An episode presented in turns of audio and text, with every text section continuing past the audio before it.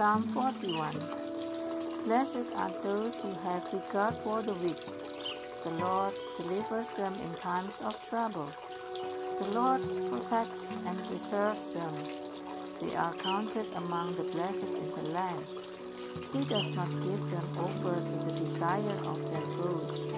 The Lord sustains them on their sickbed and restores them from their bed of illness. I said, Have mercy on me, Lord. Heal me, for I have sinned against you.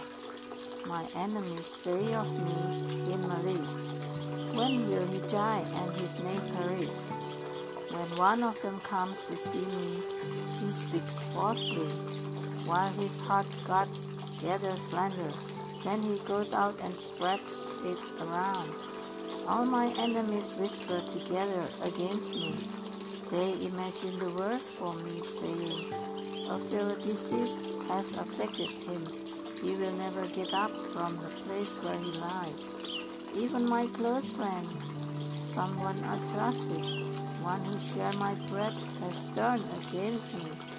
But may you have mercy on me, Lord. Raise me up, that I may repay them. I know that you are pleased with me, for my enemy does not triumph over me. Because my integrity you uphold me and set me in your presence forever. Praise be the Lord. Praise be to the Lord, the God of Israel, from everlasting to everlasting. Amen and amen.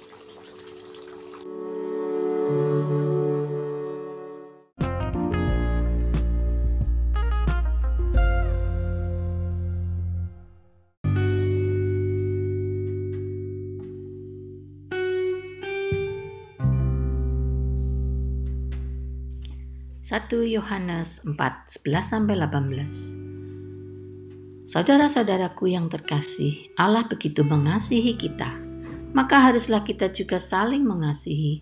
Tidak ada seorang pun yang pernah melihat Allah. Tetapi jika kita saling mengasihi, Allah tetap di dalam kita, dan kasihnya sempurna di dalam kita. Beginilah kita ketahui bahwa kita berada di dalam Allah dan dia di dalam kita yakni bahwa ia telah mengarunia kita mendapat bagian dalam rohnya. Dan kami telah bersaksi bahwa Bapa telah mengutus anaknya menjadi juru selamat dunia.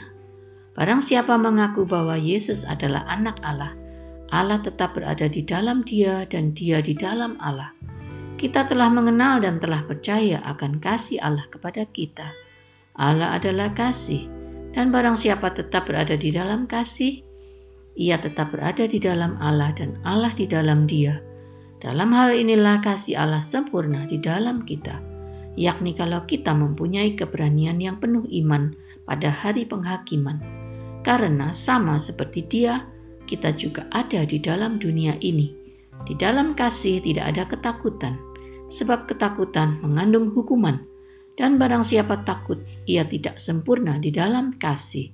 Demikianlah sabda Tuhan.